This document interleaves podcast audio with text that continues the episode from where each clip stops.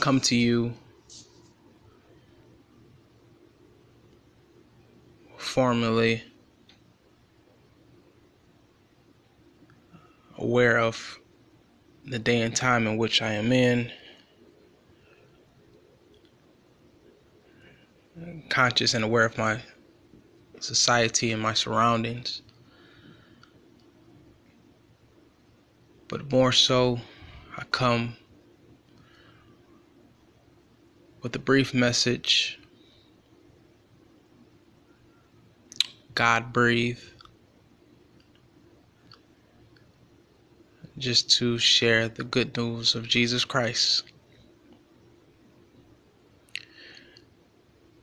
Jesus Christ, who I solely believe in as my Lord and Savior. He who lived his life in such a way that let the least, the most disenfranchised, the most overlooked individual knew that Jesus cared for them.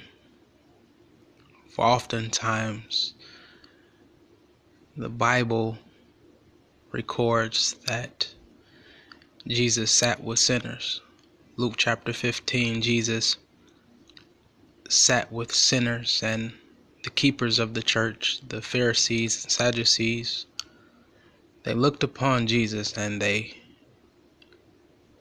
had conversation amongst themselves and couldn't figure out why a man like Jesus would sit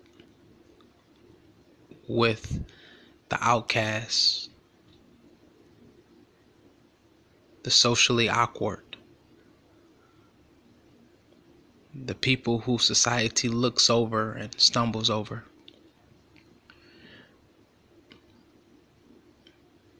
Jesus related to those as such because he knew who needed the most love.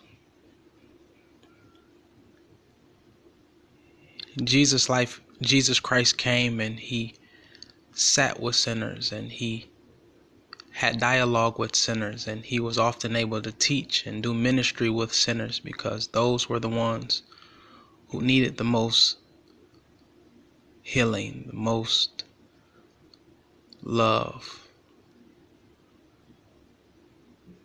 They needed to experience God like never before. The world in which we're in right now needs to embrace the image of Christ. He who humbled himself and poured out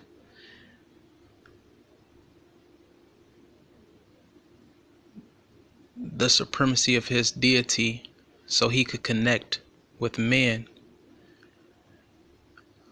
Our world needs that today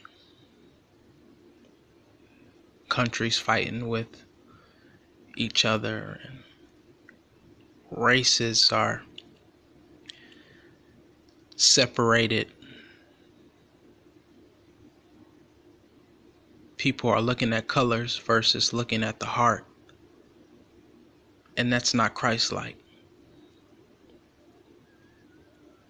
Christ is the one who sought to bring amongst unity and and for those who stood for any type of injustices, Christ stood and fought those because he believed in equality. For I don't believe that you can claim God and proclaim God and say that you are Christian and not believe in justice? For how can you be a Christian and promote separation and segregation? That's not love. Love seeks to build bridges, dismantle gaps, and create community so that the least of these can connect with those who have. And those who have would humble themselves enough to do ministry and to give of them of their resources to those that have fallen into unfortunate circumstances. I believe in the ministry of Jesus Christ.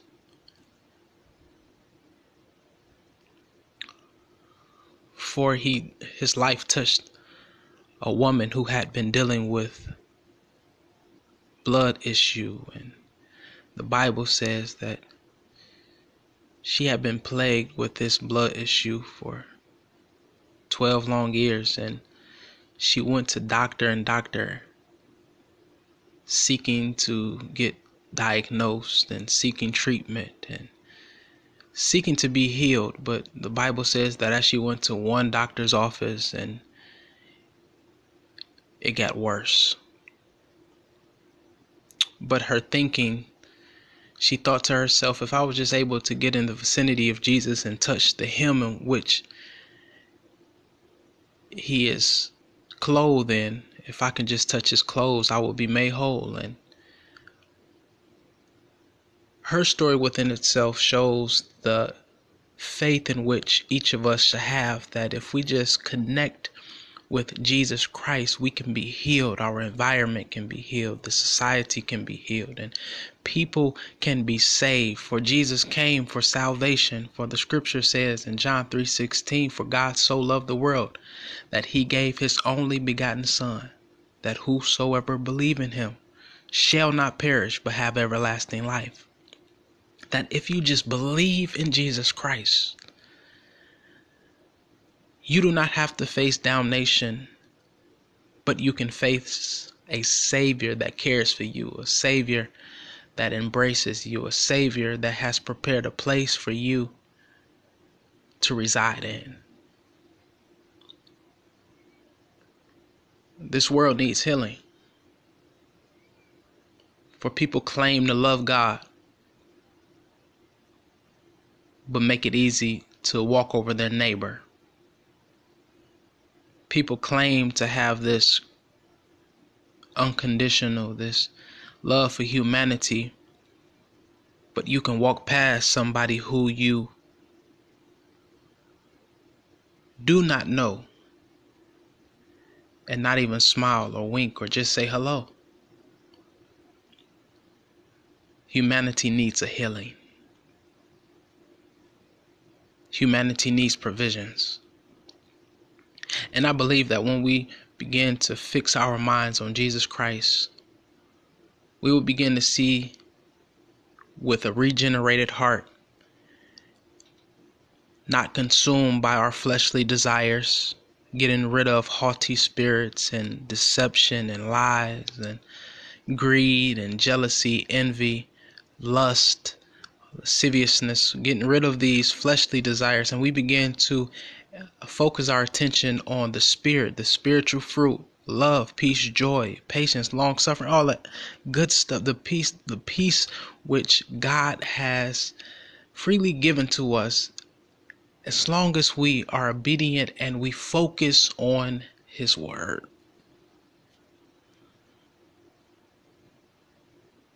Jesus' ministry meant something, and I believe today it still means something. 33 years of ministry, 33 years of life, three years of full blown out ministry. His last year of ministry, he was considered to be a revolutionary, which caused him to be persecuted and crucified. Crucified because he wanted equality, crucified because he stood for those who were disenfranchised and oppressed and marginalized. He stood for those. And because he stood for something, his purpose was to die for all. On that cross on Calvary's Hill, a Savior for myself and you, He died only for you to believe. But the story gets greater because at the beginning of that week, as he died on this Friday, they buried him. And the Bible says that Mary's, his mother, had prepared spices to anoint Jesus. And when they got to the tomb in which he was buried, he was no longer there. For he was resurrected. And the resurrection power of Jesus Christ gives each of us power that no matter when we fall, that when we think we have hit rock bottom, that when our pers- purposes and destiny brings us to a place of persecution and um, agony, we have the power to get up. And as we get up, our testimonies give life to the testimony of other people who have fallen down, who have been abandoned, neglected, who have been abused, who have been mistreated, people who have experienced death, widows who have experienced death, orphans who have no mother and fathers, and the poor who have no resources, no access to uh, health care or money. Our testimonies that when we came, when we overcome came and when we conquered, when we got up and became success stories, our testimonies give life and power to those who are still searching for a reason to stay alive and to stay alert and to stay focused because somebody is dying until you release your testimony. I pray this message reaches someone who is experiencing a void. I want to let you know that Jesus Christ loves you. So much so that he died for you. So much so that he got up for you. Go in light, go in strength. You can connect with me on my social media outlet under David V. Clark. That's on Facebook as well as Instagram. You can message me on David V. Clark and we can pray and dialogue. Until next time, y'all be blessed. Peace.